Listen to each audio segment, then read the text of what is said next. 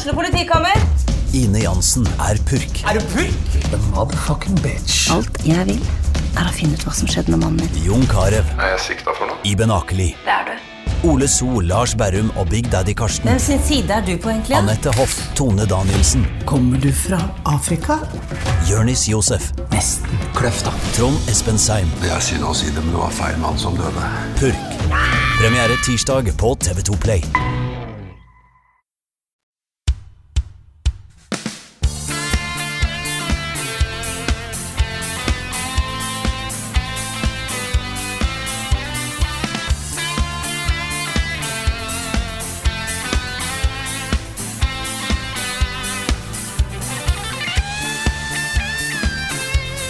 Og mens e-posten din blir fulgt opp av alle verdens Black Week-tilbud, altså herregud at det går an til å få så mye e-post, Oh, så spiller vi inn denne podkasten her. Dette er Level Backup med meg, Frida Landmo. Med meg i dag har jeg Karl Martin Hogsnes og Rune Fjell Olsen.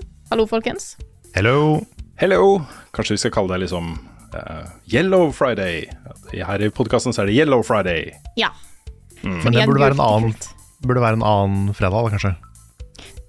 Nei, nei Ja, da. jeg vet ikke. Eh, Ikke? akkurat denne uka er det faktisk tilbud på podkasten. Nå kan du høre den gratis. Ja, Ja. kan høre den gratis. Så Level Ups eh, Yellow Friday-tilbud Det er at du kan få den vanlige podcasten på vanlig måte. Ja. Mm. Mm. Men det er jo da ofte mange En ser jo da mange tilbud i eh, Black Week og Black Friday. Er jo egentlig nesten bare originalpris, men så har de kunstig satt opp prisen noen måneder før. Vi De har gjør det. det hele tiden. Mange. Mm. Det er skittent, rett og slett. Jeg Men bare Så er det mye gode tilbud òg, da. Det er da. Det er, nå skitter jeg ikke på alle her. Det er veldig mye gode tilbud. Jeg har kjøpt opp til flere julepresanger denne uka.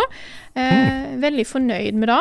Men jeg har aldri fått så mye e-post og SMS-er før eh, på så kort tid.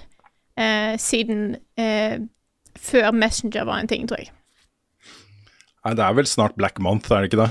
Jo. Jo, det begynner å bli det. Og så er det jo noen butikker som har liksom forskjellige tilbud hver dag. Jeg bare sånn, ja, men jeg vil bare kjøpe alt på en gang. Ja, Kan vi ikke bare ha den ene dagen hvor alt er på tilbud, og så er det litt lettere å liksom følge med på? Men jeg syns også det er for ille når, når dattera mi maser om å få penger til å gå og handle på Black Friday, så, så syns jeg det har gått litt langt. Så men vi skal jo da benytte den fredagen til å gjøre noe som er kanskje litt mindre forbrukerorientert og, og hyggelig, selv om det er jo noen linker der også. Litt mindre forbrukerorientert, men mer hyggelig. Ja, Det var kanskje veldig dårlig formulert. Litt grann, det det hørtes ut som det var mindre hyggelig, men da er det jo Ja, ikke. jeg tenker mer sånn, der, sånn salg og tilbud og Ja. vi, skal, vi skal gjøre noe som er mer oppbyggende og, og um, eh, viktig, da, Ja. enn å kjøpe billige luksusvarer, Mm. kanskje. Ja.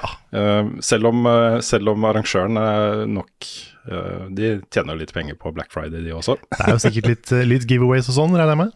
Antar det. Men vi skal i hvert fall være med på Gamere mot barnekreft nede hos Komplett. Vi kjører, tar en roadtrip, uh, rett og slett. Kjører ned til Sandefjord. Eh, og det blir fire timer med level up da på fredag, i dag, når podkasten kommer ut. Fra klokka 14 til klokka 18. Og det blir i hvert fall deg og meg og Svens, eh, Karl. Det gjør det. Kanskje vi får med oss en nikk. Nick. Vi skal prøve på det, i hvert fall. Ja, vi skal eh, leite gjennom Oslo etter en Nick, som kanskje, kanskje blir med, kanskje ikke. Han har veldig mye å gjøre, så det er ikke sikkert, men vi håper det. Men jeg tror uansett så kommer det til å bli et eh, heftig opplegg, fordi uh, Sven skal få lov til å spille eh, den åpne betaen av eh, Warhammer 40K Dark Tide, Ja. som jo er tilgjengelig hvis du forhåndskjøper spillet. Og han vil gjerne spille det på PlayStation når det kommer, så der er det ikke betaen, så vidt jeg har forstått. Det er mulig jeg tar feil, kanskje jeg blir arrestert nå i kommentarfeltet. Men uh, der nede, da, så får han testa Dark Tide-betaen. Kanskje i coop hvis Komplett gidder å kjøpe et par eh, par kopier av det på, på Steam. uh, og så skal vi spille nye Dark Pictures Anthology-spillet, The Devil In Me. The Devil In Me. Altså ikke The Devil Inside, eller hva det heter det andre, men Ja. The Devil. In, det er litt lett å blande de spillene. Mhm. Dette er jo da cheesy horror, Dark Pictures, som har blitt anmeldt på kanalen i hytt og gevær. Mm. Nye spillet der, og det blir gøy. Jeg har ikke spilt det ennå, så veldig spent. Ja, det blir kjempespennende. Eh, og så skal vi også, siden da eh, Thomas Paste er jo veldig tungt involvert med Komplett, og han er jo en av de som er med på å bygge opp disse streamene, han er utrolig god på sånne ting.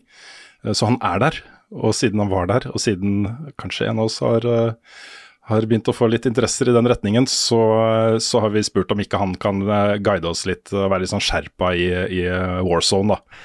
Warzone 2. Det er fare for at han må guide meg litt mer enn dere andre. Men eh, Er ikke du ble, PubG-eksperten her i gjengen? jeg ble sånn OK i PubG, men ikke, ikke til å skyte, men til å gjemme meg i busker. Ja, OK. Ja, mm. Så um, jeg har jo vunnet i PubG, men jeg har jo ikke spilt Fortnite og spilt uh, det første Warzone sånn én gang. I to timer sammen med Nicolage. Ja. Så jeg har litt å lære, altså. Det er en, det er en oppoverbakke.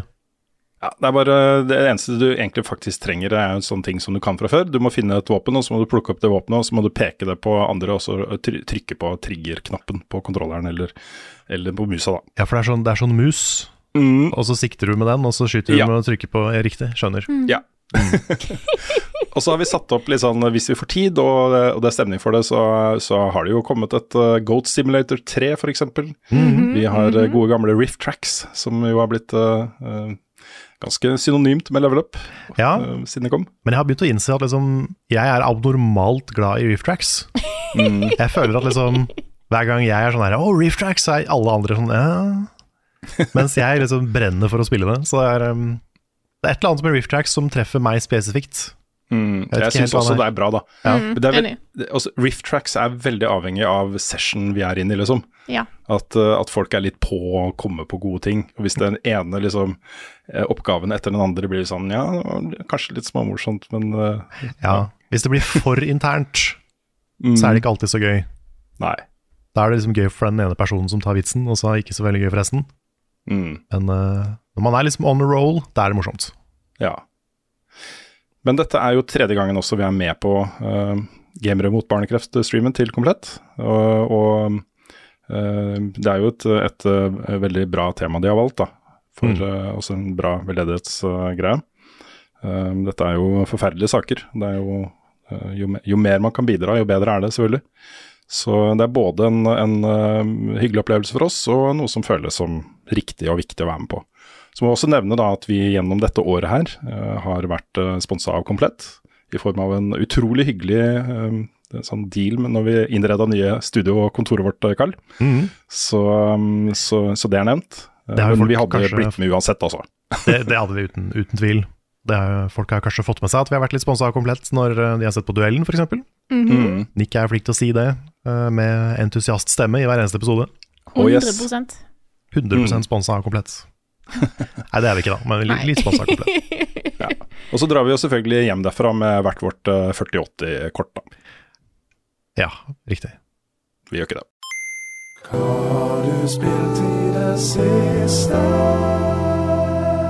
Vi må selvfølgelig begynne å snakke om eh, braksuksessen. Eh, Pokémon eh, kom inn med et brak med både positive og negative ting. Det har vært mye snakk om Pokémon i sosiale medier de siste dagene. Eh, nå er det heldigvis, da Eller heldigvis. Nå er det flere i redaksjonen som har spilt det, ikke bare Rune. Eh, jeg har begitt meg ut på det. Eh, Carl, du har sikkert eh, dukka djupt ned i det de siste dagene. Jeg har kommet til rulleteksten. Å, såpass, ja. Ja da, jeg har spilt Ja. masse. Kjørt gjennom Ikke verst. på Yes. bike. Eller On my bike, on, on Ja. my bike creature. Ja. Mm, men det var fordi du fant ut at du kunne koble til en ekstra håndkontroller og spille dobbelt så fort, ikke sant? Ja, jeg kobla til åtte joycons, Ja. og bare feis gjennom spillet. Ja. Og så hoppa Ja. baklengs opp fjellene og sånt. Ja. Ja, nice. Mm. Mm. Ja, nei, jeg har egentlig bare spilt det veldig, veldig mye. Jeg har ja. dykka ned i det, og nesten ikke gått opp for å puste i det hele tatt. Så jeg har jo det, det er jo sånt jeg bare gjør hvis jeg koser meg, på en måte. Ja. Mm. Spiller så intenst. Så, så jeg har jo det. Men eh, du, har, du har begynt på det du også, Frida? Det har jeg. Jeg har, kommet, jeg har ikke spilt veldig mye, for jeg har hatt litt andre ting på, eh, på tapetet som jeg skal snakke om etterpå. Eh, men jeg har spilt fram til du kommer til skolen eh, og setter deg inn i dette her eh, to frames per second-klasserommet. Ja. Eh, De stop motion-barna. yes. Men jeg gjorde jo alt jeg kunne, eh, følte jeg følte seg som, før jeg kom meg der til. Eh, og det, det er jo altså Frameraten er litt rar eh, iblant. Eh, Cutscenes så hakker før de skifter kameravinkel fordi spillet må laste det. Det er litt sånn rare ting som oppleves. Men når jeg går rundt eh, og bare liksom ser Pokémon og ser 'den har jeg ikke, den må jeg ha', og bare speedrunner Pokédexen, det er det det føles som, i hvert fall. Mm. Jeg har det dritgøy. Ja, for der er jeg òg. Jeg syns den, der- den der generelle gameplay-loopen, Mhm. og det at det er satt i en helt åpen verden, som er enda mer åpen enn det eh, Legends var, da, det syns jeg funker dritbra. Mm. Det er sånn hvis du ser bare på det, så er det kanskje liksom et av de beste Pokémon-spillene, for min del. Det, mm, men det er jo det andre som du var inne på, med hvordan det kjører og, og sånn, og det har vært litt distraherende for meg. ass. Jeg klarer ikke å eh, ikke bry meg om det, rett og slett. Nei, Nei for det, det du nevner med den der kameravinkelen, så det skifter jo ikke kamera. Det fader, men det er en sånn fade hvor det virker som de har tatt en, et screenshot av det du så på. Og så har de liksom fada det screenshotet inn i neste bilde. Det, er, det ser veldig rart ut. Ja. Alle cutscenes ser veldig rare ut. Og så, Ja. og så er det Det største problemet for meg er at det er ikke bare frames som dropper. Fordi det spillet her er koda på en sånn måte at det også påvirker hastigheten i spillet. Altså frameraten er kobla til spillhastigheten. Litt sånn som det ofte, man ofte så på liksom Nintendo 64 og NES og, og sånne ting. Og det som skjer da, er at hele spillet går i slow motion. Så det var en gang jeg var spesielt eh, det var ute på sjøen et sted, det er et sånn lite vannområde, hvor jeg føler at jeg spilte spillet i sånn 30% hastighet. Å, herregud. Og da eh, prøvde jeg å få tak i en eller annen Pokémon, og det går jo vanligvis sånn derre whoop, whoop, whoop, og så fikk du den. Men nå var det sånn whoop,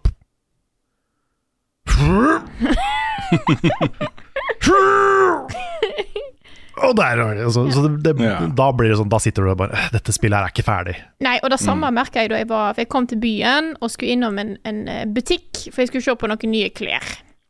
Eh, og så Og det har fins ikke. Hæ? Du får ikke nye klær. Sorry. Eh, sokker.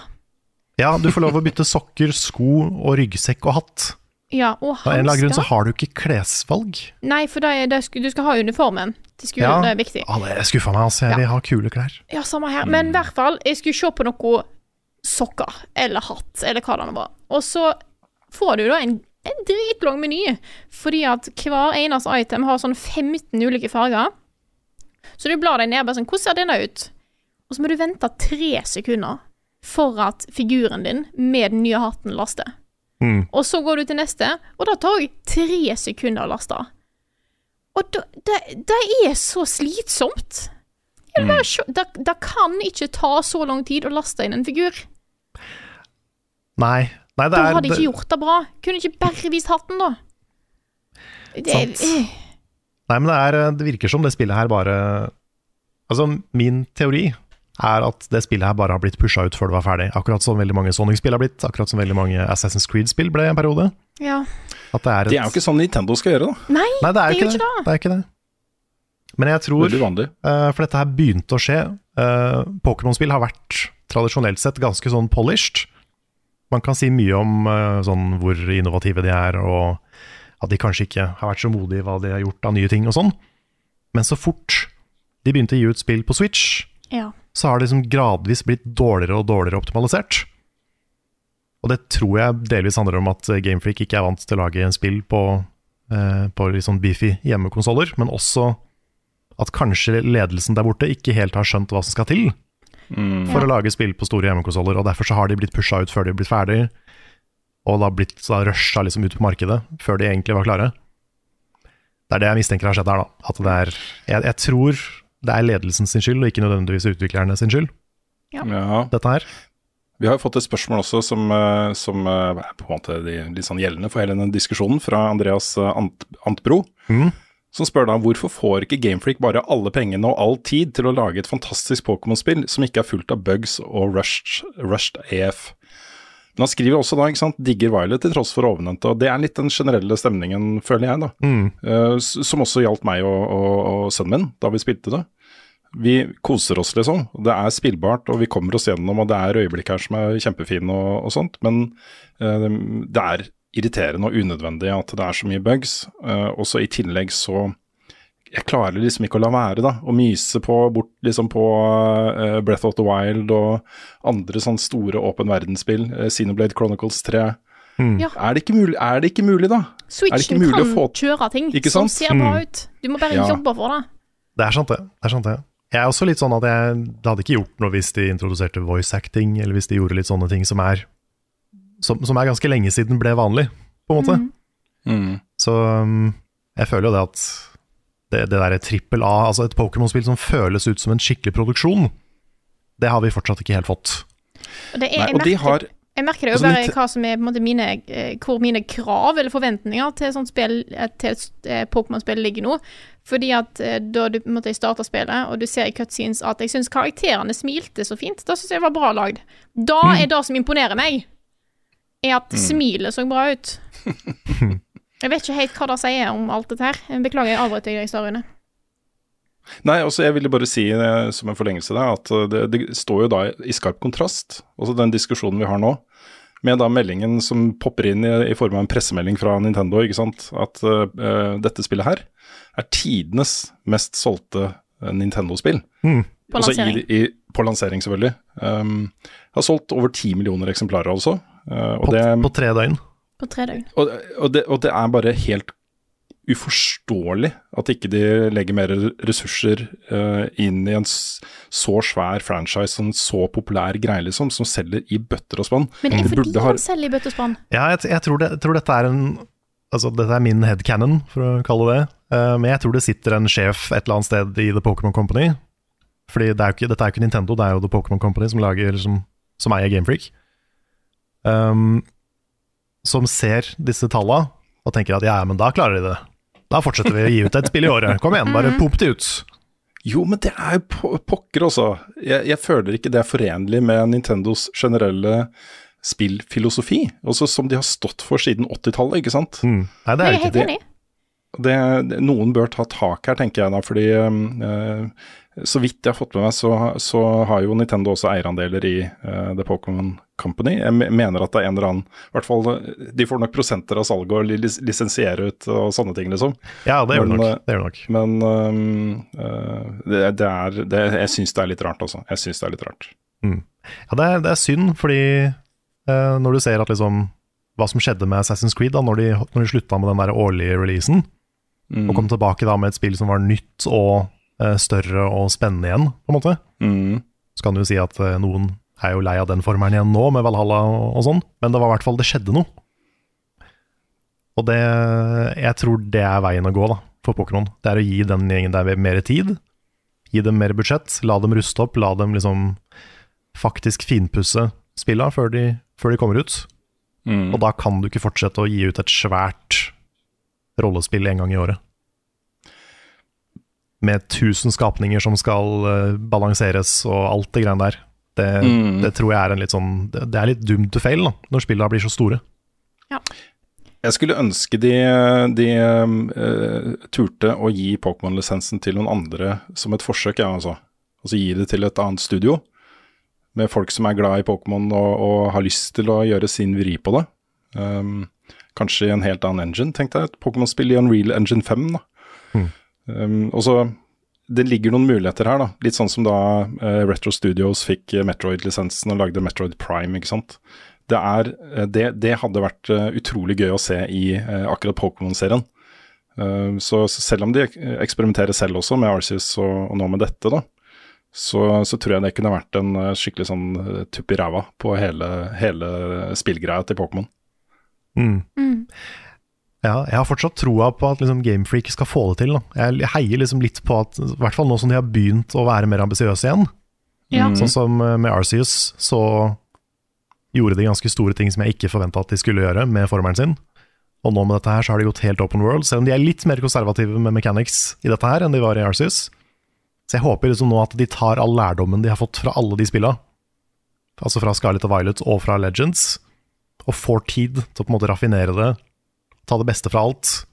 For da får du et sjukt fuckings bra Pokémon-spill. Hvis, de hvis de får lov å gjøre det ferdig, liksom.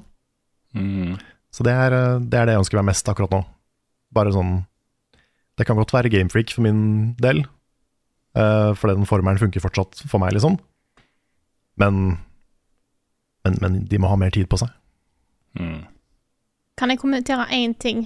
Uh, jeg har én ting til jeg har lyst til å se om Pokémon, før vi eventuelt går videre. Mm. Det fins jo en modus der du Eller ikke modus. Du kan slippe løs Pokémon din, så den kan gjøre ting mens du går rundt og utforsker. Ja. Eh, og hvis da jeg la merke til, er at hvis Pokémon din er litt sånn high level, og du bare sender den ut, for den kan da gå og battle de andre Pokémonene, kjempe mot de andre som er der, eh, og få litt experience. Knall. Hvis du har en litt høy level Pokémon, så er det som å gå rundt i genocide mode. Faen, de driver jo og bare rydder verden for ting! Det er litt festlig. Ja, det er, det er skikkelig sånn murder rampage. Ja, Ja. de bare går rundt og bare dreper alt. Det Sorry, de besvimer, men likevel. Det er Jeg syns det er litt um, det, er- det er sånn interessant ting å bare Når du plutselig blir litt oppmerksom på det, bare sånn Ja, den bare driver rundt, går rundt og bare rydder opp. De vil jeg ha, de vil jeg ha, Ja. de vil jeg ha, de vil jeg ha. Men ellers er jeg veldig glad i min, egen, min lille Fuikoko. Jeg syns han er veldig søt. Ja, vet du hva? Jeg valgte feil. Nei! Jeg skjønte det egentlig før jeg valgte, så jeg angrer litt. Å nei. Men du får jo den der start-cut-siden, hvor du skal liksom velge en Pokémon.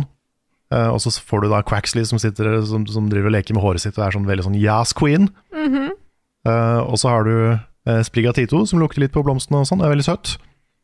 Og så er du Faycoco som får et lite blad på nesa og nyser og brenner opp en appelsin, og så går han rundt og leker med den appelsinen etterpå. Med et sånt Ja. veldig sånn stort spørrende blikk og en åpen munn.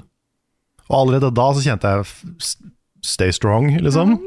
Ja. Jeg, jeg bestemte meg for den katten, og så valgte jeg katten, da, men jeg, og så utvikla den seg, og så så jeg hva Frey Coco utvikla seg til, og så fuck.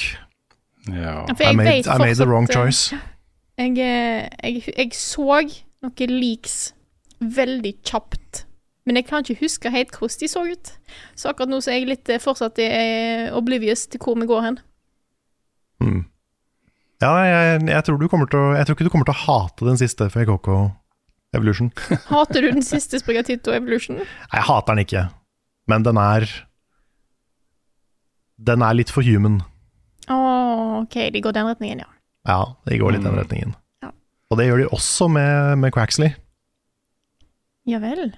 Så jeg syns Fray Coco er på en måte den eneste som fortsatt er liksom a beast. OK. Og det, det liker jeg, da. Ja. Så, um, så jeg, jeg følte liksom at spillet hviska til meg du burde egentlig velge Fray Coco i starten.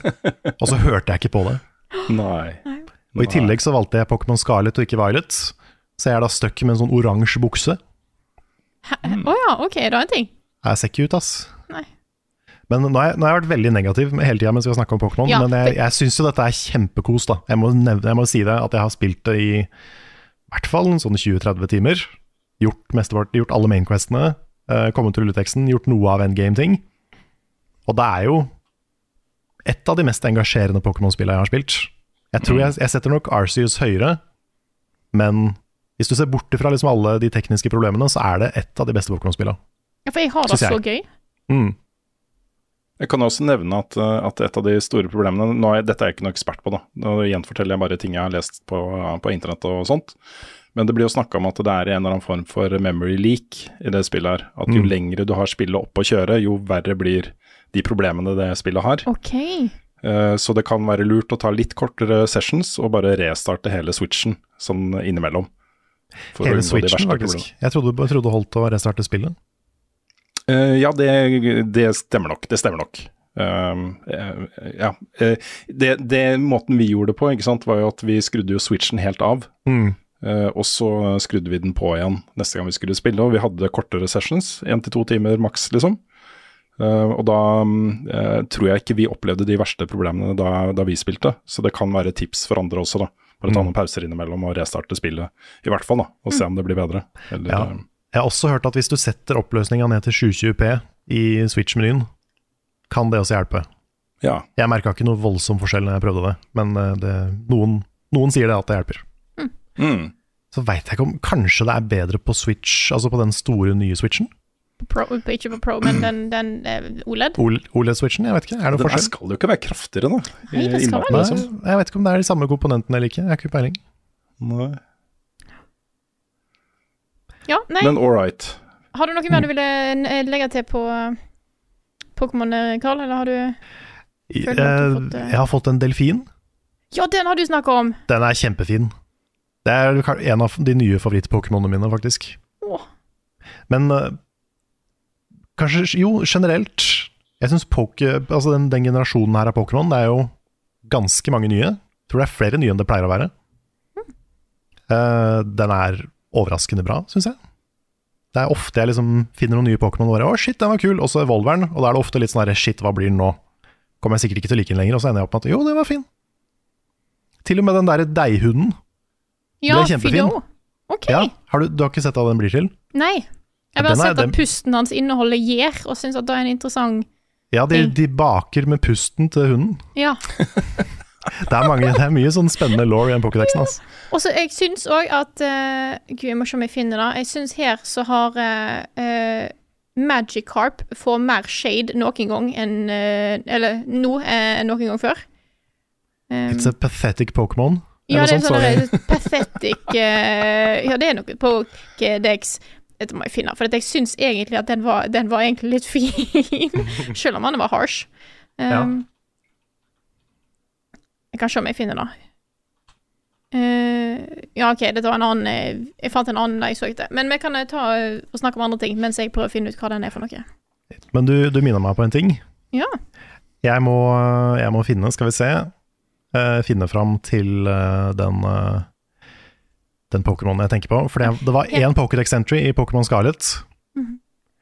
Her, vet du. Uh, Eh, ja. i- Pokémon Scarlet så sier han en underpowered, pathetic Pokémon. It may jump high on rare occasions, but never more than seven feet. Men i Violet så er det In the distant past It was somewhat stronger than the horribly weak descendant that exists today. For de, de skitter på ma- Magikarp altså. Jeg syns Ja. den er Det blir bare verre og verre. Ja. Hmm. Men jeg må lese høyt Pokédex-entryen i Scarlett til Masschiff.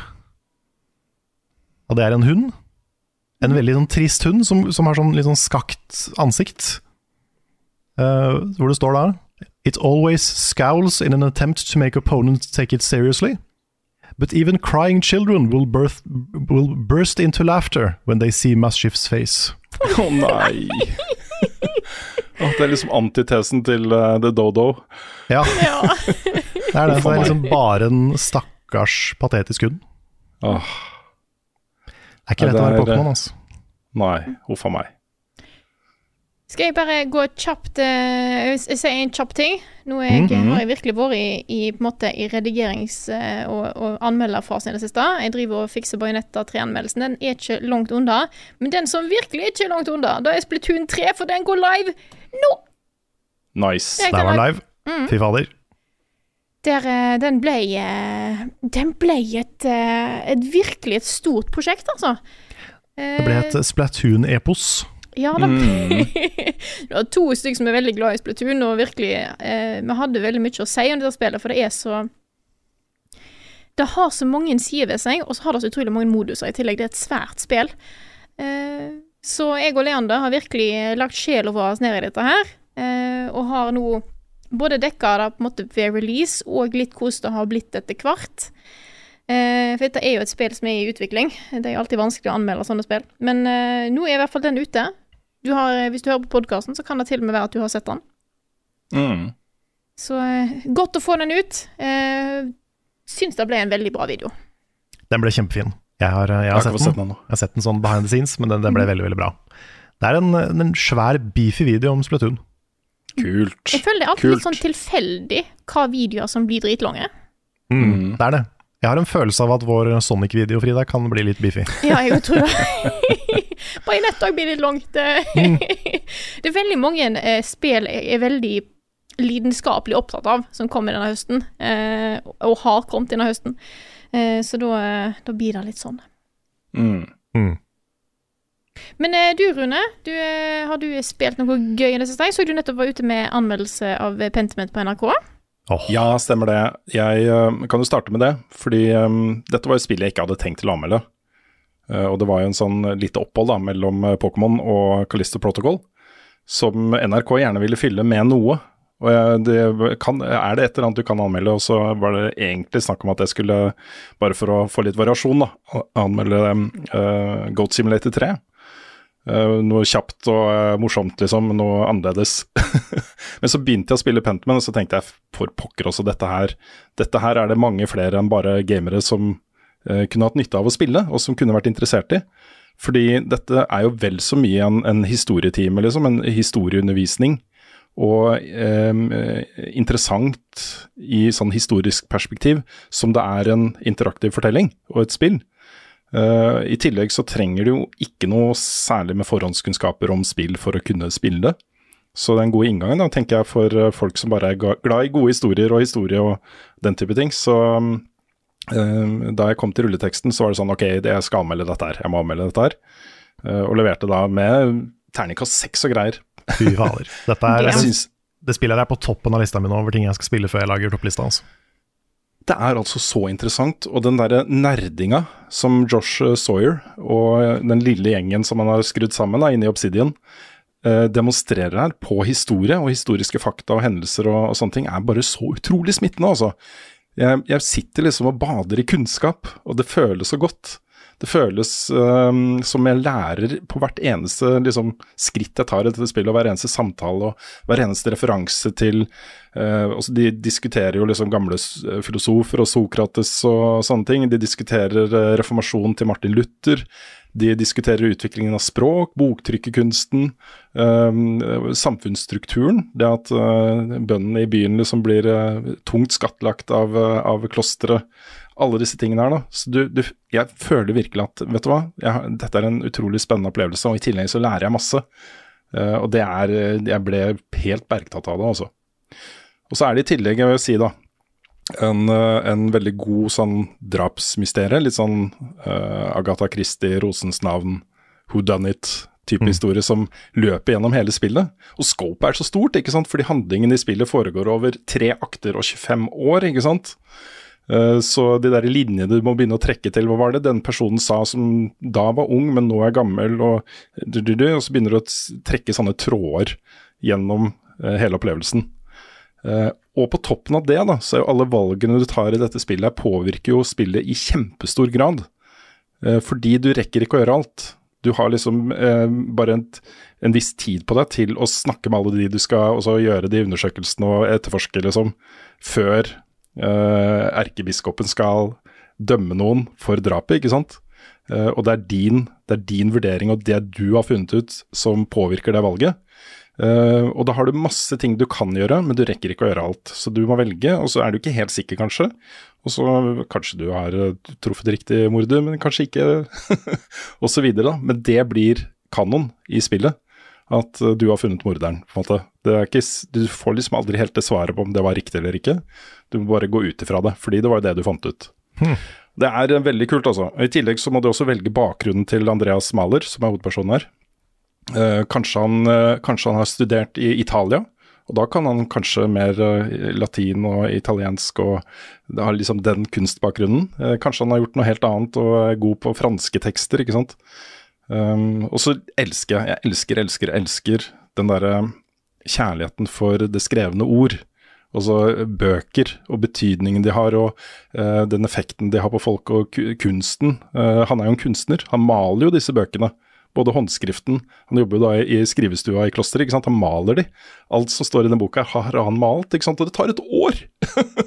og det er, jeg, jeg, er veldig glad i det spillet, og jeg syns det er en eh, herlig eh, addition til spillåret 2022, altså. Det er kult at det spillet eksisterer. Så er det jo Josh Sawyer, han er jo pokker også, han er jo en av de store innenfor rollespill. eh, med liksom Neverwinter Nights 2, eh, Fallout New Vegas um, osv. Han har jo lagd mange av de svære, svære, svære rollespillene til Obsidian, liksom. Vært regissør og, uh, og lead designer på, på de spillene. Det at han i årevis har kjempa for å få dette prosjektet gjennom, og til slutt fikk ja, da. Fikk med seg først en annen eh, designer i Obsidian, og så utvida teamet seg til 13 personer. Det er, det er kult, altså. Det er, um, det er veldig veldig stilig at et såpass stort, uh, tungt studio tar seg tid til å, å hva skal man si, eh, tilfredsstille stjernene sine. Eh, Med skapertrang og, og alt dette her, da. Så ikke, ikke sov på Pentiment, folkens. Det er en uh, herlig opplevelse. Jeg må, føler jeg må legge til at det er langt til å være et sånn type spill. Vi snakker 12-13 timer kanskje for å komme til rulletekst. Um, og det er bare én av historiene. Og det er den ene tingen som jeg kunne ønske kanskje var litt annerledes. Fordi hvis jeg får jeg, jeg, jeg har lyst til å starte på nytt og gjøre andre valg og gi Andreas en annen bakgrunn uh, og se hva som skjer. Men jeg orker, jeg, det blir tolv timer til er for mye, altså. Så dette er min historie, er den historien jeg har fått. Kanskje om et år eller to så går jeg tilbake og, og sjekker ut på nytt, da. Jeg har tenkt mye det samme på Disco Elysium. For der også har du liksom masse forskjellige stats du kan, du kan uh, slåtte inn i starten. Og det påvirker jo alt du kan gjøre i spillet. Og du får jo sånne checks hele tida med sånne DND-terninger og sånn. sånn. Hva skjer hvis du ikke feiler den? Hva skjer hvis du feiler den? Og det er så mange ting som kan skje, da. Og så mye informasjon som du bare får hvis du har en veldig spesifikk karakter. Så det er, det er vanskelig å Det er vanskelig å ikke liksom være nysgjerrig på det. Mm.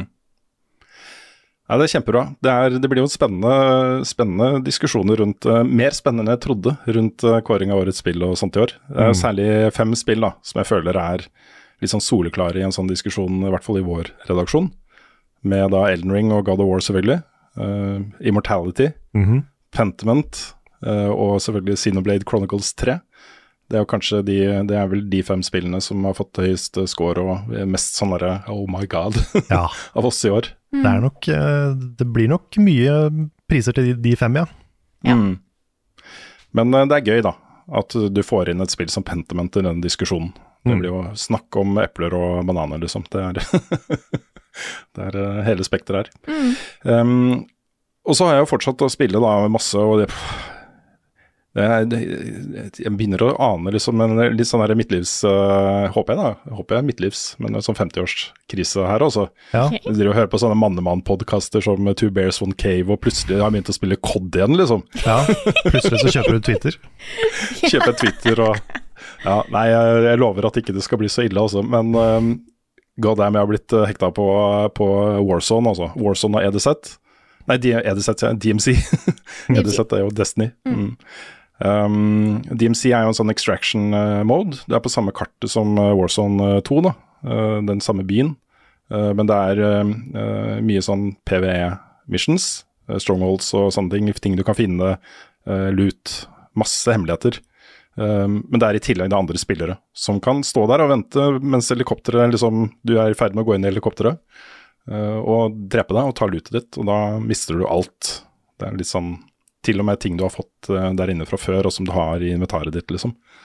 Så det er veldig spennende. Men Warzone 2.0 er jo eh, Battle Royale-modusen. 152 spillere, tror jeg det er. Uh, og det er jo da enten quads eller duos eller solo. Pluss en sånn herre eh, trio-modus hvor, eh, hvor eh, du kan bytte lag. eh, under matchen, liksom. Du kan drive og liksom hoppe inn på andres lag eller eh, hente inn andre på ditt lag. Hvis du ikke viper hele laget, men bare to av de, f.eks.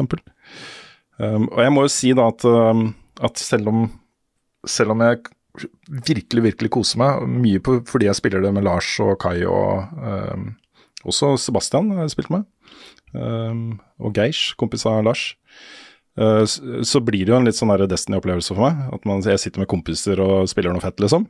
Um, men jeg blir jo ikke bedre ut i det spillet her. Jeg blir ikke bedre. Det er, det er suger så hardt i det spillet her. Så um, jeg tenker at målet mitt nå er å få lagd et par builds. Uh, maksa ut et par våpen med attachments og tuning og sånne ting. Uh, og så uh, prøve å roe meg litt mer. Ikke, ikke spille hver dag, liksom.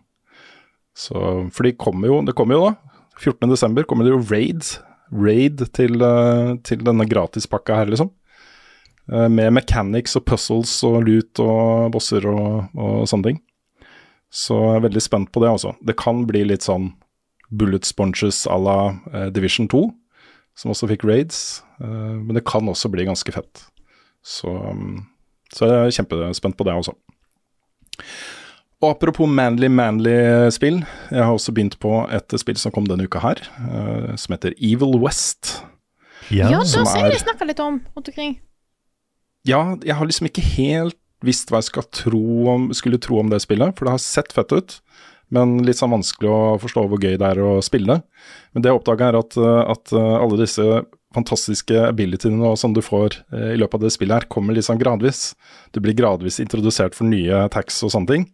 Og utgangspunktet her er jo at du er i Ville Vesten, og du er en del av en sånn hemmelig organisasjon som beskytter menneskeheten mot vampyrer og monstre.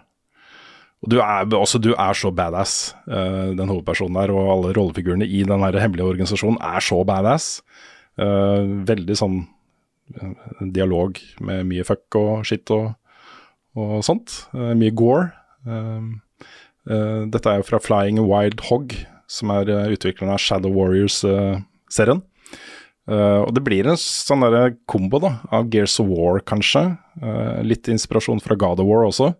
Måten han åpner kiste på, er jo at Han slår jo ned med neven i kistene. Det er en helt åpenbar uh, um, uh, homasj til Kratos og kistene i God of War.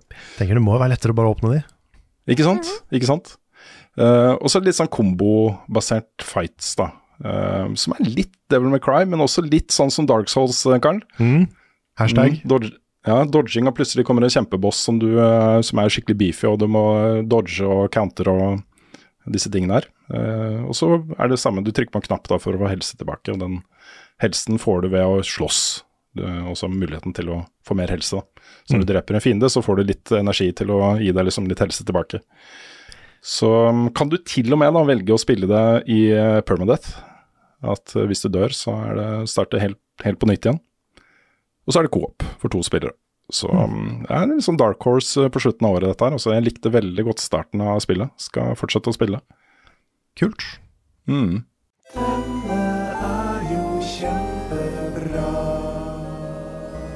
Ukens anbefaling. Karl har dagens anbefaling på lur, og jeg må spørre er det Kobra Kai? Det er ikke Cobra Kai. Okay. Det vil si, det er Cobra Kai også. Det er alltid Cobra Kai. Ja. Anbefaler alltid Cobra Kai hver eneste episode. Mm. Så hvis noen lurer på det, må du se Cobra Kai. It's pretty good. Yeah. Men jeg har en annen anbefaling, Uh, og det er det at jeg har um, Jeg ser jo på en del, jeg har snakka om det før, ser på en del sånne YouTube-video-essay-mennesker uh, som er veldig flinke, blant annet av Mikey Newman og Jacob Geller og en del av de som har sånne Litt sånn, De er kjent fra litt sånne lange, veldig i dybden uh, videoessays om spill og film og, og sånn. De har jeg snakka om før. Men en ting som de har pusha mer og mer i det siste, det er en videoplattform som heter Nebula. Ja. Og det er eh, litt sånn, som, litt sånn apropos det at uh, alle prøver å finne en erstatter til Twitter. Så er jo dette her en slags sånn utfordrer til YouTube, kanskje. For det er en nettside hvor du um, istedenfor at du ser, ser det med ads, så er det et uh, abonnement.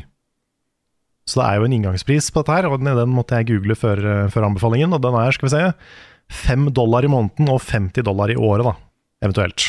Mm. Så du kan eh, Jeg har kjøpt et sånt årsabonnement som er 50 dollar. Og det Så vidt jeg har skjønt, så gir det de utviklerne, ut, utviklerne eh, de, de youtuberne, eller de, de video-essay Det er så vanskelig å vite hva man skal kalle det. Nebulaerne. Ne, ne, nebularene Mm. uh, gir de ganske gode Nebbene. Nebbene kan vi kalle det. Nebbene får ganske, ganske gode liksom, vilkår for å publisere der. Ok. Så det er visst ganske sånn eh, pro-creator, som det heter, så fint. Um, at det er sikkert er flere benefits med å publisere der enn på YouTube. Så um, har ikke, ikke snakk om at Level Up skal dit, det er ikke derfor jeg anbefaler det. Men det er, det er bare for Fordi det har begynt å komme veldig mye bra der. Det som til slutt fikk meg til å abonnere, det var den nyeste videoen til Jacob Geller om Immortality. Som handler om en spesifikk scene i Immortality. Og han publiserte den videoen på YouTube, men den var sånn veldig sensurert, både fordi det er copyrighta musikk og nudity i det spillet. Derfor så var det nesten liksom umulig å lage en video om det han hadde lyst til å lage video om. Men på Nebula så kan du gjøre litt mer hva du vil. Og der er da liksom den The intended viewing experience, som han eh, kalte det. Og det var liksom det siste som fikk meg til Ok, nå skal jeg, nå skal jeg sjekke ut Nebula. Og det er mye bra der, altså. Det er en sånn samling av liksom veldig gjennomtenkte, gode videoer om spill og kunst og kultur og alt, liksom. Veldig, veldig mye bra der. Veldig mange flinke folk som har hoppa på den eh, bølgen. Så eh, kan anbefale folk å sjekke ut Nebula. Se om det kanskje er verdt å abonnere på. Er det noe sånn, Vi kommer ikke til å gjøre det, fordi jeg tror det hadde kannibalisert på YouTube-kanalen vår for mye. Ja, det hadde det. Men, men er, det, er det noe i Hadde vi hatt lov til å publisere ting på både YouTube og Ja, det er ikke noe som stopper oss fra det. Altså Det spørs hva avtale Nebula har, og sånt da, men det er ikke noe hos YouTube. Vi er ikke noen partner der som hindrer oss fra det. Nei. Nei, det var Ja, jeg er jo sånn eh, aktivt på en måte på jakt etter uh, en erstatning til YouTube også. Det, er, det føles ikke godt å være avhengig av den plattformen, må jeg, må jeg si. Det Nei, det er mye, har vi snakka litt om før. mye dritt på YouTube og en aggressiv algoritme og ting og tang som ikke er kjempebra. En fantastisk demokratisering av innholdsskaping også, da. Ja, og mange er. Ja, ja. kjempeflinke eh, folk, liksom. Men, eh, men eh, ja. Algoritmer og tjo og hei. Dritt og møkk. Mm. Mm. Nei, men jeg syns det, det begynner å bli en litt sånn spennende plattform for eh, en samling av innhold som jeg har veldig sansen for. Mm. Kanskje vi kunne lagd en sånn der, nå må jeg tenke høyt, da, men litt sånn der eh, Level Up After Dark eh, spin-off. For en sånn type mer sånn essay-lignende innhold, da. Eh, ting som, som normalt sett vi ikke ville tatt oss tid til å lage, men fordi det er der, liksom. Kanskje Kanskje. Et eller annet. Jeg bare, tror- det er noen sånne ja. tanker jeg fikk i hodet. Jeg, tror, jeg trenger et par flere dager i uka, tror jeg, for å få det til. Men. men eh, ja, nei, jeg tror ikke Jeg, jeg, jeg, har ikke noe, jeg tenker ikke at liksom, det er riktig for level up å stenge noe bak en, en sånn nebula paywall. Det tror jeg er helt, helt feil. Mm. I hvert fall når vi har Patron, så, så er det nok, liksom. Ja. Men, eh, men for youtubere som står eh, på egne bein, som ikke har Patron f.eks., eller som har en annen, en annen tilnærming enn oss, da, Mm. så er det en, virker det som er en ganske bra tjeneste. Nei, jeg er, eh, jeg er litt sånn derre Jeg går og venter på den derre um, nye internettrevolusjonen, jeg. For nå har du liksom Vi er jo inne i web 2.0. Uh, folk prøver liksom å pushe web 3. Um, det er jo det er jo det positive og negative sider med det. Ja, altså Web3 er eh, for meg bare en big old garbage fire foreløpig. Uh, men det jeg vil ha, da, det er jo liksom cyberspace fra liksom Neuromancer og den, den gamle ideologien rundt det alternative internett, liksom. Hvor, eh, hvor man er litt fri fra the corporate uh, fist og sånne ting. Og, og har større frihet da, til å til å um, omgås uten at uh, du er en del av et sånt der kommersielt uh, maskineri. Um, og jeg, jeg går og venter litt på den, fordi det føles så modent da, og, at det kommer en motreaksjon mot big data, mot sporing, mot cookies, uh, alle disse tingene her, liksom. Jeg, jeg, jeg, jeg er så drittlei av å være en, uh, en, en, en sum på, i et spreadsheet på liksom hva, hva, hva, kan jeg, hva kan folk tjene på meg når jeg er på internett? Mm. Hele den, den følelsen der er liksom så kjip, da. Ja, din oppmerksomhet som valuta, liksom. Ikke sant? Mm. Det vil komme motreaksjoner, og dere ser det samme med Twitter nå. Jeg er helt sikker på at, uh, at vi er mange nok nå til å kunne eksistere på et litt mer alternativt internett. da. Eh, og jeg, jeg har ikke lyst til å liksom dra ned i, i dark web og Tor og, og de tingene der, fordi der er jo eh, der er det definitivt ting som jeg ikke har lyst til å omgås. Mhm. Men tankegangen bak Tor og kryptering og sånne ting er jo også, eh, også litt sånn revolusjonær. Og litt sånn um, uh, mer i uh, individets ånd da, enn i corporate-ånden, som jo Web 2 absolutt er. da. Så det er, det er greier der. altså. Jeg har, jeg har lyst på et, et eh, mindre, et mindre um, kjipt internett, rett og slett. Jeg er så drittlei, altså. Å og skru av um, sporingsgreier hver eneste gang jeg går inn på en nettside, uansett, liksom. Det er Nei, jeg, ja. Mm. Og sånn sett så er jeg veldig glad for at sånne ting som Nebula kommer, da. Ja, ja, for det er litt det jeg også tenker, at jeg syns de, eh, de som tilbyr en abonnementsløsning framfor alle de der eh, kyniske ad-algoritmeløsningene, eh, der er det noe som jeg har lyst til å støtte. Ja. Så jeg har, Jeg ser også at uh, Ja. du har en sånn tilsvarende, tilstøtende tjeneste i USA som heter um, uh, Substack. Hvor man også går inn og abonnerer. Da. Det er bloggsystem. Uh, mye sånn lange artikler, liksom skrevne artikler. Uh, og kommentarer og sånt. Um, hvor, uh, hvor også inntektene da går mer direkte til de som har lagd, og hvor du ikke blir spora. Og det, du kan kjøpe deg fri fra annonser og, og sånt også. Uh, og det, ja, det også er en, en veldig bra greie. Så Jason Schreier har oppretta en egen Substack nå. Det er mange som har gjort det, da. Av de mer sånn essay-lignende eh, innholdsskaperne. ja, men det er kult. Det er, eh, det er kanskje, kanskje på tide at vi beveger oss mer i den retningen. Mm, eh, jeg syns det. Mm. Det er jo litt det som er filosofien til Patreon og Kickstarter og sånn også. At det, Mm. det at man støtter ting litt mer direkte økonomisk enn med, enn med litt sånne shady ting som ligger bak. Mm. Så anbefalingen er da nebula.tv er, er nettsida som du finner Nebula på.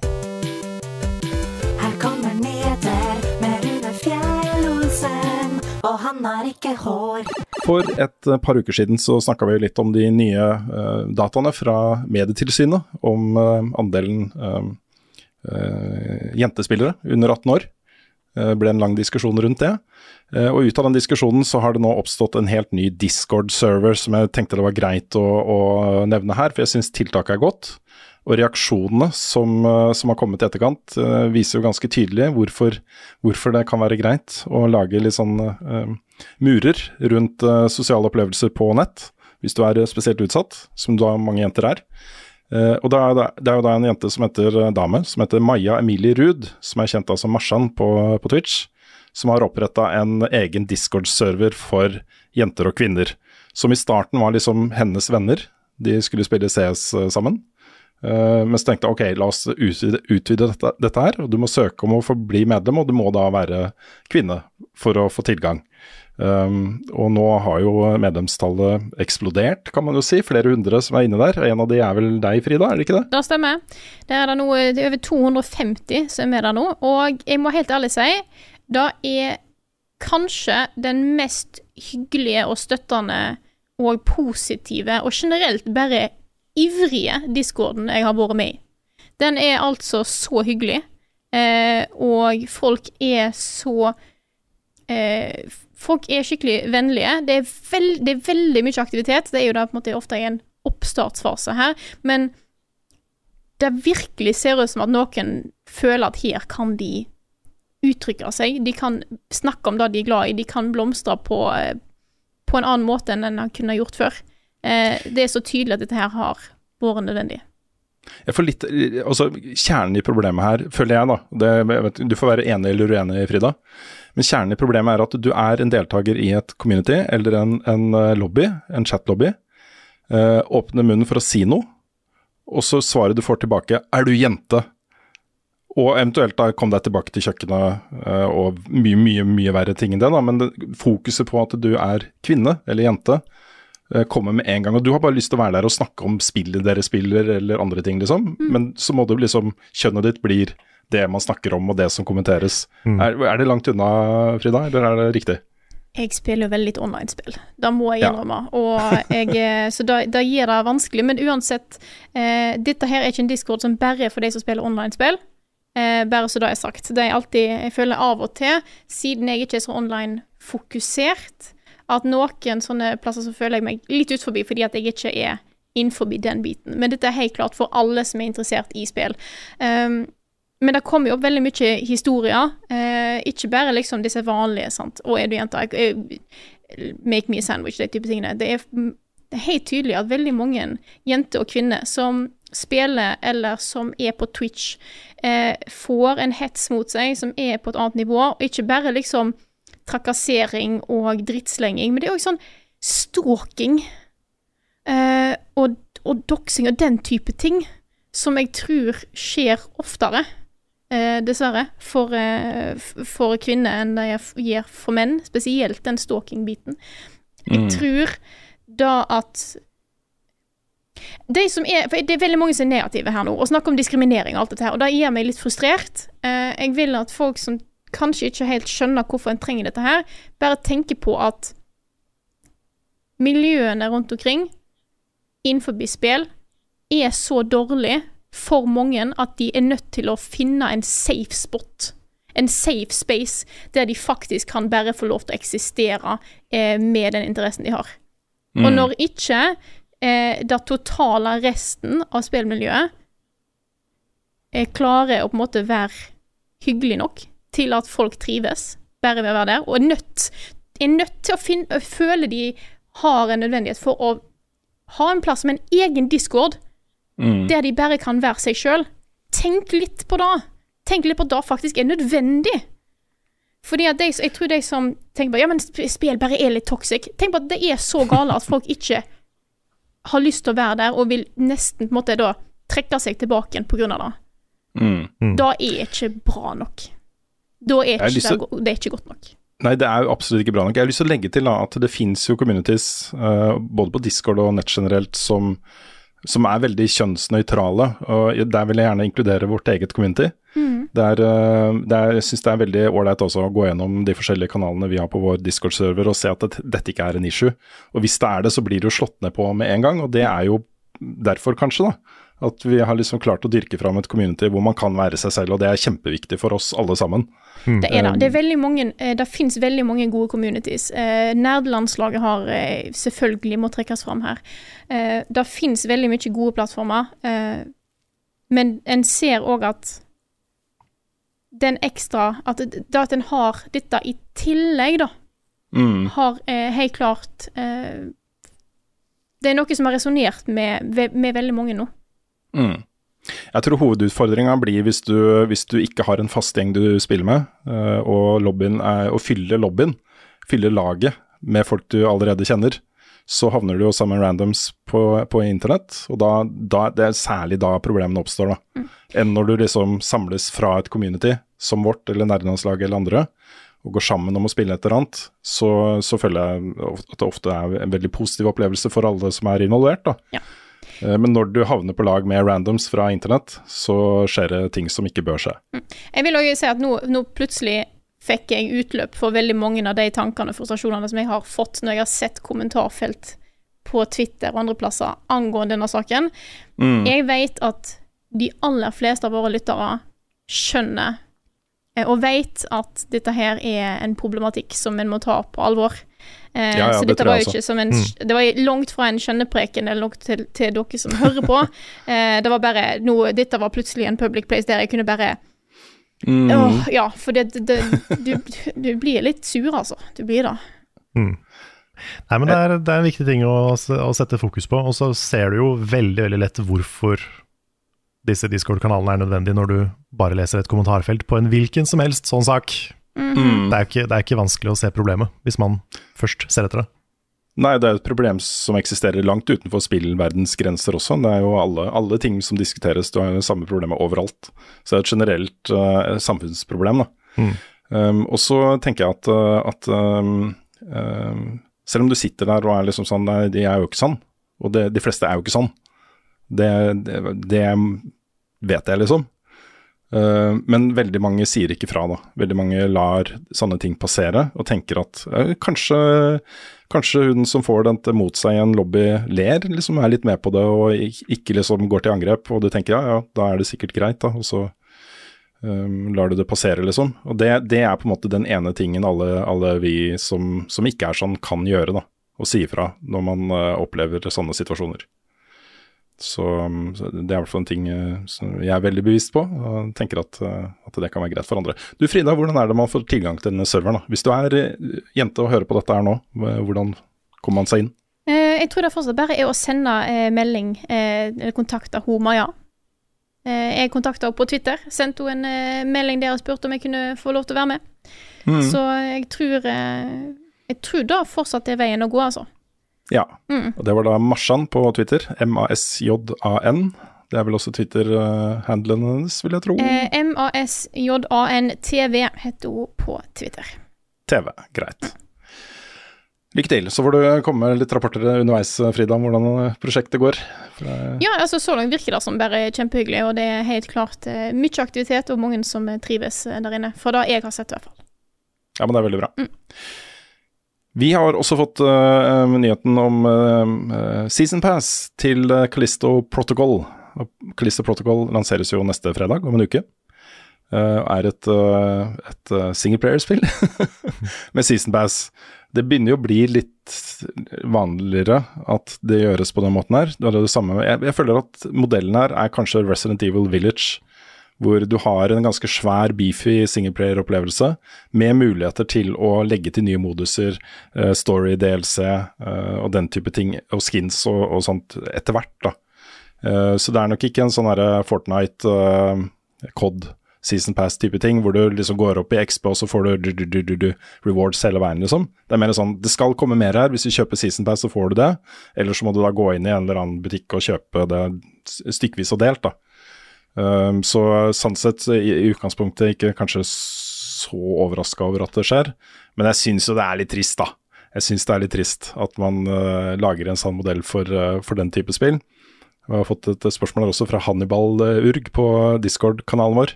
Som da spør hva syns vi om Season Pass til Calista Protocol. Og En av de tingene som folk har diskutert, er at det vil jo bli lagt til noen nye uh, death animations i dette Season Passet. Uh, som Ja. uh, utvikler Det er en rar Ja. ting å gate bak en, uh, bak en paywall. Mm. Dette er jo da uh, Death Animations som utviklerne nå har gått ut og sagt at uh, de har ikke lagd det ennå. De vil bli kanskje da knytta til innhold som kommer seinere eller et eller annet, men, men ja, det, det virker litt rart også. Det, det man i hvert fall skal få da i denne delscenen er story-delse, som de sier da vil gi deg muligheten til å grave dypere inn i historien til dette fengselet som dette foregår i. Eh, det vil komme nye moduser, eh, sammenlignbart kanskje med de litt mer sånn hardcore modusene i eh, Resident Evil Village. Det er jo da disse nye døds dødsanversjonene, eh, nye skins og den type ting da, underveis. Så mm, jeg tenker ikke at de har tenkt å ha mange sesonger. Kanskje det bare blir én eller to, liksom. Men det vil i hvert fall komme mer innhold. Og alt dette er jo inkludert hvis du kjøper deluxe-versjonen av spillet, selvfølgelig. Så ja. Jeg er fortsatt spent på spillet, da. Jeg skulle ønske at jeg slapp å forholde meg til at det fins flere versjoner av det. At no, noe innhold er inkludert i deluxe-utgave, noe er ikke. Ja, dette føles som det der preorder-styret for en del år siden. All over again. Mm. Mm. Den 14. desember får vi da ikke bare det første raidet til eh, Call of Duty Warzone 2, eh, som også vil være gratis. Eh, Da kommer også oppdateringen, denne next gen-oppdateringen av The Witcher 3. Og Ja. jeg er klar, jeg. Jeg skal, eh, jeg skal gi det et forsøk til. Så Jeg er nysgjerrig på hvor, eh, nysgjerrig på hvor eh, dramatisk den oppgraderingen er. Mm. Dette er en oppgradering som kommer da både til eh, PlayStation 5, eh, Xbox Series X og S og til PC. Så um, de har jo hypa den så mye, liksom, så fallhøyden er ganske stor her, eh, føler jeg. Men jeg er klar. Jeg gleder meg. Apropos eh, salgstall og sånne ting, nå har vi snakka kanskje nok om uh, Pokémon Scarlet og Violet og disse tingene, men eh, det er også verdt å nevne at uh, på bare fem dager så hadde Warzone 2 25 millioner spillere. Det er, uh, dette er jo tall vi kjenner igjen fra sånn Apex Legends, som hadde 50 millioner på en måned. Eh, Wars, første Warzone hadde jo Ja, jeg vet ikke. Det var også et høyt tall. Men uh, det, dette er gratis ikke sant? og tilgjengelig på flere plattformer. Det er crossplay, cross-save. Jeg sjekka det i går.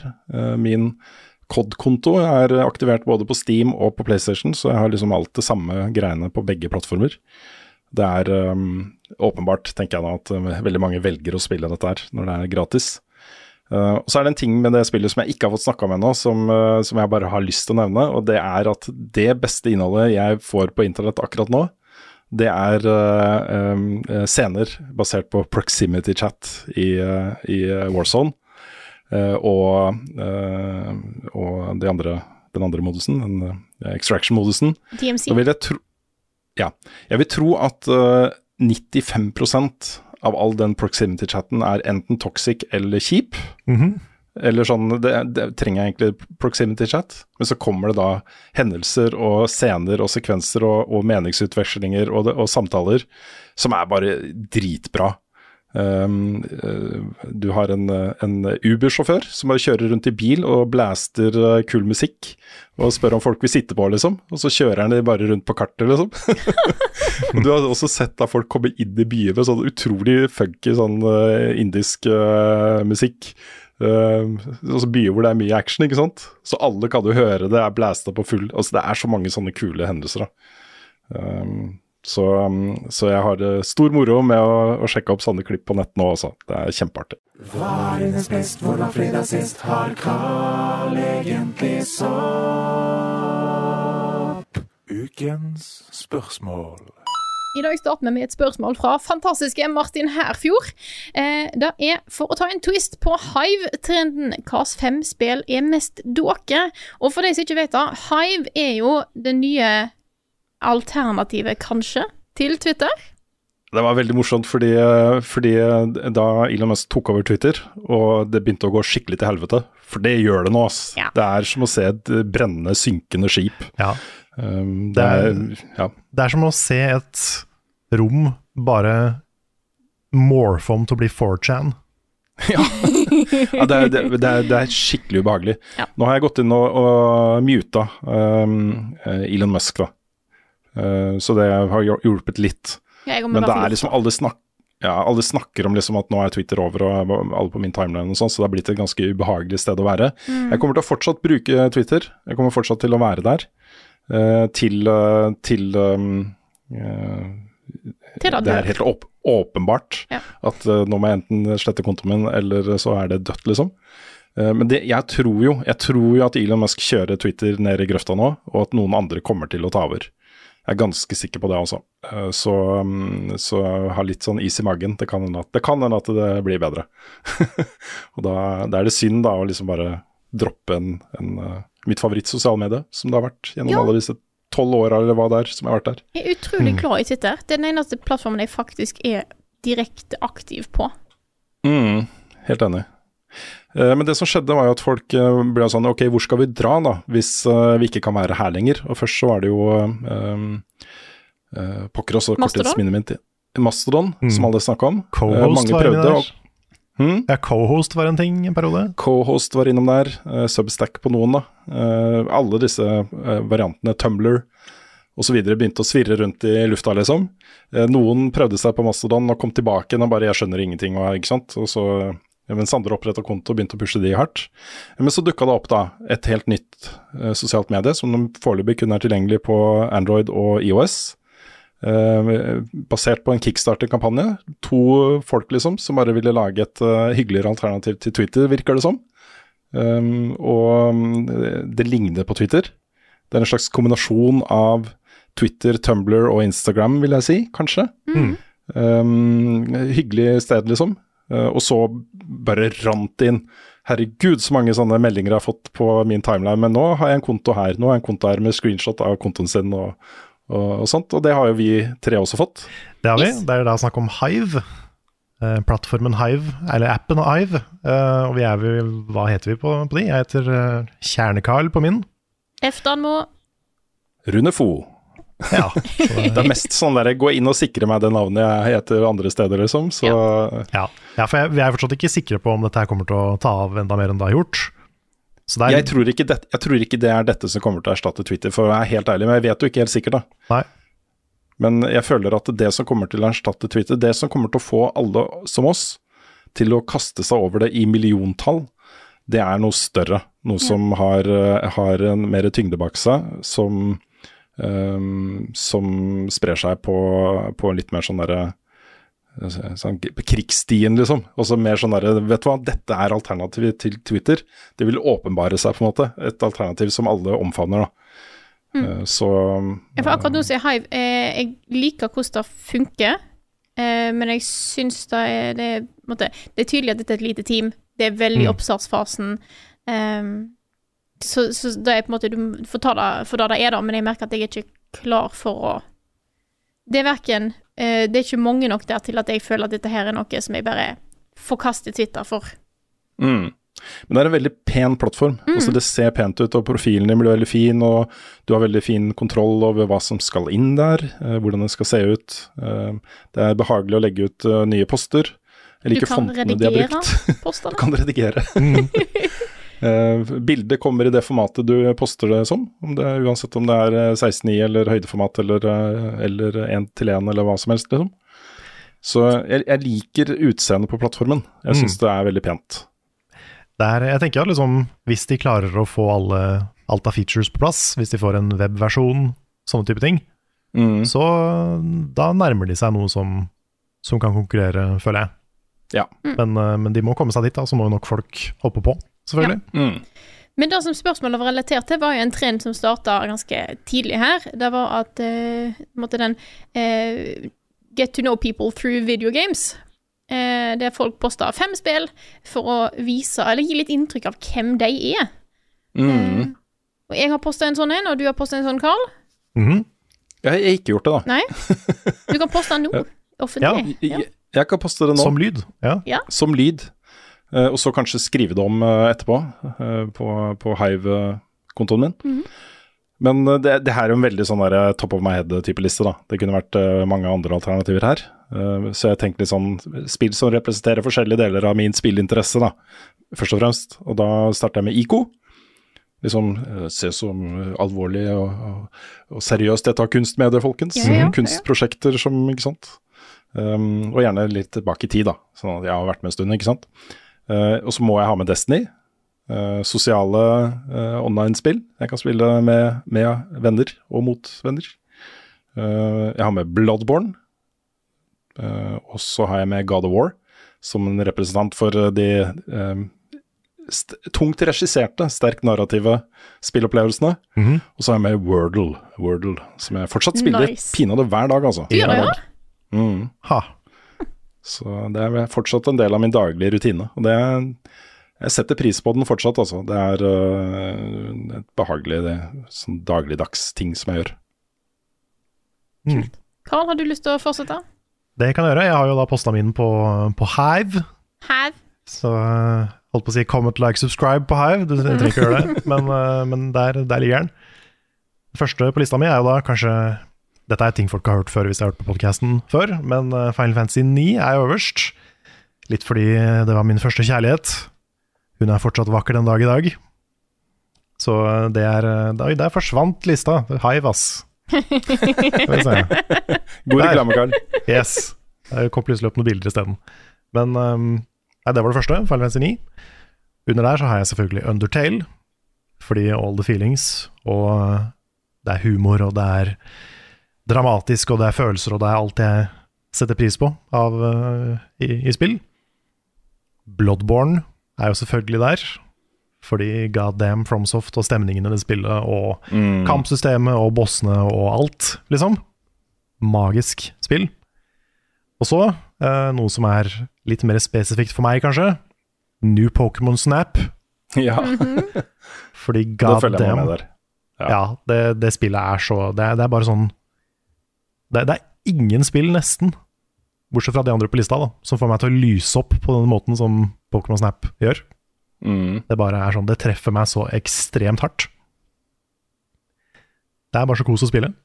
Og jeg blir ordentlig hekta på det, liksom. Eh, Og så siste på lista, Disco Elysium. Jeg Ja. vurderte Night in the Woods, det sto mellom de to. Men jeg tenkte mm. Disco Elysium var litt mer annerledes enn Undertale.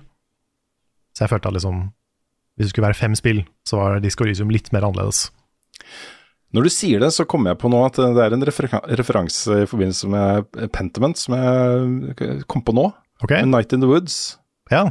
er jo ganske nærme i opplevelse som eh, Pentiment. I måten du har samtaler eh, med andre på, ja, ok, kult. Ja. velger forskjellige svaralternativer og, og sånt. Mm. Det har en del likhetstrekk der. Ja. Kult. Ja, men, den, men nei, Disco Elysium er på en måte den eh, Den litt mer sånn hverdagsengstelige, alt går til helvete-delen av meg, som, -hmm. som får litt utløp i Disco Elysium. Så det er, det, er, det er, i hvert fall det nærmeste jeg kom på sånn kort tid. De fem. Ja, For jeg har dette kommet på i kort tid, og det er mange spill jeg innser på jeg kanskje skulle ha den, og kanskje skulle ha den. Men det, det som står på lista, eh, skrevet for et par dager siden, eh, øverst har jeg Outer Wilds. Eh, både for på en måte Åh, oh, den burde kanskje vært på min også. mm. opplevelsen Space, og, for, for Space, ikke sant? Ja. Space eh, Ja. og story-biten. Mm. Andreplass så har jeg Sonic Adventure 2.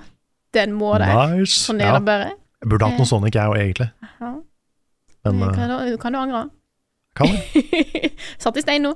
Eh, tre er Undertale, eh, av samme grunn som Carl, All the Fields. Så har jeg putta inn Celeste, eh, som den hardcore plattformgameren jeg er. Mm. Eh, men òg litt for The feels, det òg. Syns det er litt eh, eh, Og musikk, eh, blant annet. Og den Mm. siste er Luigi's Mansion, Ja, for den, er, nice. den er min sånn. ja. Det er veldig fin liste. Ja. Pokker også. Jeg må bytte ut en av dem med Outer of Wines. Eller eventuelt kanskje No Man's Sky, kanskje. Det hadde vært Mm. mm. Men da går vi til neste Kan vi ikke bare gjenta hvor, eh, hvor de finner oss, og hvor de finner appen? For du, hvis du vil installere appen, det er, litt sånn, det er mye som heter Hive. så hvis du søker bare på Hive, så kan det hende at du får litt forskjellige greier opp. Men hvis du Ja. søker på Hive Social i Ja. AppStore eller på IOS, så er det Stemmer. som regel av det første, første valget. Det er riktig. Kan jeg apropos det også nevne at eh, det er også flere ting som heter Nebula. Så Ja. neb nebula.tv er riktig ting. .tv. Jeg tror det er mer shady ting som også heter Nebula, så ikke, ikke, ikke fall for noen av de. Mm. Og vi er da eh, Kjerne-Carl, eh, F. Danmo og Rune Fo på Hive. Det stemmer. Yes. Jeg, tror, jeg burde jo tatt liksom Det er sånne ting som fri, da. Men det er eh, Jeg tenkte på det for seint, jeg også. Ja. Det er ikke- ikke sikkert noen hadde bare Rune, ikke sant. Mm. Nei. Jeg tipper noen hadde Carl, fordi Carl er litt internasjonalt. Det er sant, ja. Ja, Rune er jo også litt internasjonalt. men- Ja, det er sant. Ja, nei, anyway, eh, vi tar neste spørsmål. Eh, Karl, har du et på lager? Det har jeg, vet. Skal vi se, det er fra Kristoffer Getto Boys Hansen. Han spør det å legge hele streamer ut på YouTube, hva er det som gjør at dere ikke gjør det? Er det pga. kvalitet, økonomi, kapasitet eller annet? Det er egentlig, vi, vi gjorde jo det før. Der har vi jo telestreams. Eh, grunnen til at eh, vi har slutta med det, er egentlig bare fordi YouTube-kanalen vår har på en måte Jeg har i hvert fall tenkt at jeg har lyst til at det som legges ut der, skal være gjennomarbeida. At det skal være på en måte redigert og um, produsert, da. Og at jeg legger ut en hel stream, er litt sånn det, det får kanalen vår til å se litt billigere ut, kanskje? På en måte? Så er det algoritmen yes. inn her, selvfølgelig. Han gjør jo alltid det. Mm. Ja, altså Den faktiske eh, medvirkende årsaken til det var jo at vi plutselig fikk en eh, utrolig fet eh, highlight-video fra Sondre, Mm. som hadde da tatt en stream vi hadde hatt. Jeg husker ikke, hva var den første? Det var Mario-streamen vår. Ja. Da så vi da hvor kult det kunne være. At man har, istedenfor å bare legge ut alt, så har man noe redigert. Noe som er highlights, noe som er litt kjappere å se på. Ikke er så stor tidsinvestering, og som passer litt bedre inn med resten av innholdet vårt. Eh, Fordi Twitch-kanalen vår er jo der, og vi lager jo streamene våre. Så hvis du vil se alt, så er det jo tilgjengelig, liksom. Eh, Der, da. Så mm. det var vel litt det som gjorde at vi, vi tok det skrittet. Ja, sant. Det er noe med Det er, det er kult. Jeg, jeg syns det er kult å på en måte kunne gå inn på Level Up-kanalen, og uansett hva du ser på, så er det noe vi på en måte har jobba ordentlig gjennom. Det er ikke bare spille inn, publiser. Til Ja. og med Let's Play-seriene våre er jo ganske sånn redigert og lagt på ting. Og, og sånn. Absolutt. Så det meste ligger på Twitch, der jeg har glemt et par. Og det beklager jeg. Men jeg prøver å være flink. Mm. Det blir uansett liggende et par måneder eller noe sånt, gjør det ikke det? Jo. Jo, Sånn uansett. Og så eh, hvis vi går inn og lagrer det som highlight, så blir det liggende Yes. Så det er da jeg, det er da jeg eh, har gjort på så godt som alt. Men liksom når sommerferie og sånt har vært, så har jeg Ja. glemt et par. Ho, ho. Det går nok bra. Det går nok bra. Jeg har lyst til å ta et spørsmål fra Jakob, Ja. som uh, skriver da eh, PS5-versjonen av God of War Ragnarok på min 4K-TV ser så bra ut at jeg ærlig talt tenker at spill spillgrafikk har kommet langt nok. Jeg trenger ikke noe mer enn dette. Når blir dere fornøyde? Er vi der nå, eller lengter dere etter enda mer fotorealisme? Det er jo en sånn um, Også selv om Moores law fortsatt gjelder, altså datakraften dobles hva er det hvert, uh, annethvert hvert halvannet år, er det ikke det? halvannet år, ja. Ja, 18. måned. Mm. Det gjelder jo fortsatt. Jeg har ikke sett noen uh, saker om at det nå flater den kurven ut. Så er jo den der opplevelsen av fotorealisme, den har jo begynt å flate ganske kraftig ut de siste årene. Uh, og det vil den nok fortsatt gjøre. Men det som uh, skjer bak det, sånne ting som har med eh, kunstig intelligens, eh, hvor, hvor mye informasjon man kan ha i spillet samtidig, det er jo der på en måte den, den Morse law fortsatt gjelder, da. Og det er der jeg vil se mest utvikling. At man kommer inn i en by f.eks., hvor alle er NPC-er, men det føles som en organisk by hvor folk lever sine liv og gjør sine ting. Og Der har vi hatt mange gode eksempler. Uh, Red Dead uh, Redemption 2 f.eks. Kommer inn i en by der, så har jo alle rollefigurene, alle NPC-ene i den byen, har jo sin egen skripta eh, oppførsel, hvor de har sine gjøremål. Er du baker, så gjør du det, og så kanskje du går ut i smuget i bakgården og kaster ting, og så Ikke sant? Eh, og der, er- det, er sånne ting som øker innlevelsen da, i virtuelle verdener. Og Der kommer det til å skje masse. Masse, masse, masse. Så um, jeg føler at uh, akkurat det, den teknologiske utviklinga er ikke over. Eh, men jeg er jo litt enig i vurderingen om at vi er nærme nå, altså. Vi er veldig nærme. Um, eh, ikke fotorealisme kanskje helt ennå, men ikke, ikke så langt unna. Og det, jeg, jeg trenger heller ikke noe penere spill enn Ragnarok, ass. Nei, Nei. det er det jeg tenker. Men jeg, jeg er veldig fornøyd med hvor vi er nå. Mm. Og så tenker jeg alle spill, inkludert liksom Ragnarok og The Last of Us eh, Part 2, som er kanskje noen av de liksom, grafisk peneste spillene som fins, de er jo litt stiliserte begge to.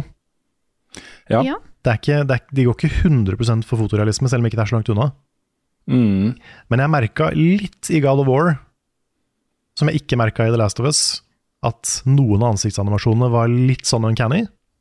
Mm. Um, og det er, jeg tror det nesten bare er The Last of Us og spill som er mer stilisert enn det, hvor jeg ikke har reagert på det. Mm. Men i God of War så var det litt av og til. Det var sånn noen Ja. ansikter som var sånn Oi, det er, det er sånn litt rar ut, og det, den var litt sånn ikke helt. Mm. Men, um, men det er jo vanvittig bra. Ja, det er helt vilt hvor mye som har skjedd med ansiktsanimasjoner og sånt, og det er jo særlig eh, altså, litt sånn gjennomgående gjennom hele Ragnarok, da. Men eh, det er jo noen scener der som skal ha tyngre dramatisk effekt enn andre, hvor nettopp sånne ting som ansiktsuttrykk og øyne og, og mm, mimikk har liksom alt å si da, på hvor hardt det treffer. Mm. Eh, og det- at vi er der, liksom, det er, det er jeg veldig glad for, altså. Det er uh, veldig, veldig effektfullt. I agree. Mm. ja. Men eh, vi får se, da. Om et år eller to så kommer det sikkert et nytt spill da, som ser enda litt penere ut. Jeg har blitt litt sånn slått i bakken av hvor, hvor virkelighetsnært eh, Modern Warfare 2 er også. eh, I campaignen der. Det er, det er ganske absurd, altså. Hvor den følelsen av å gå rundt i den type virtuelle verdener er eh, ganske sterkt. Mm. Jeg har lyst til å ta et eh, spørsmål her, for nå driver vi og nærmer oss eh, slutten på året. Nå er det jo snart eh, eh, Game, eh, Game Awards, eh, som er midt på natta. Midt på natta. Dritt. My time to shine. Men uh, vi har jo vår egen kåring, og i denne anledningen har vi fått et spørsmål fra Mathias Kolsrud Aase, som skriver Hvorfor har dere Game of the Year-kåringen i desember, når det enda er flere spill som kommer i desember? Hadde det ikke vært bedre å gjort det i januar? Og jeg syns den uh, min, min reasoning på dette her er at jeg syns den kåringen er så fin avrunding på året. Nå er vi Mm. ferdig med 2022 og går Mm. inn i et nytt år. Eh, Ja, for jeg har strek. alltid reagert på hvorfor kårer, kårer dere årets spill i mars? Eh, Det har alltid vært min sånn store issue, liksom. Takk. Det, for det, det, det, det, da er jeg godt i, Da er jeg i 2023, liksom. Da er jeg et helt nytt år, har helt nye opplevelser. Jeg begynner å tenke på liksom, lista for det året og sånne ting. Ja, ja. Det var ikke et stikk til deg, Frida. Nei, nei, det går helt. Men det er jo sånn som Oscar-utdelinga f.eks. på film. Det er jo lenge, lenge sånn, ja. etter årsskiftet og sånne ting, ikke sant. Mm. Um, så har du jo et veldig rart eksempel på det akkurat nå, med Golden Joystick Awards, hvor de har en cutoff. Stemmegivninga ble avslutta 4.11. Og da ble jo da Stray årets PlayStation 5-spill.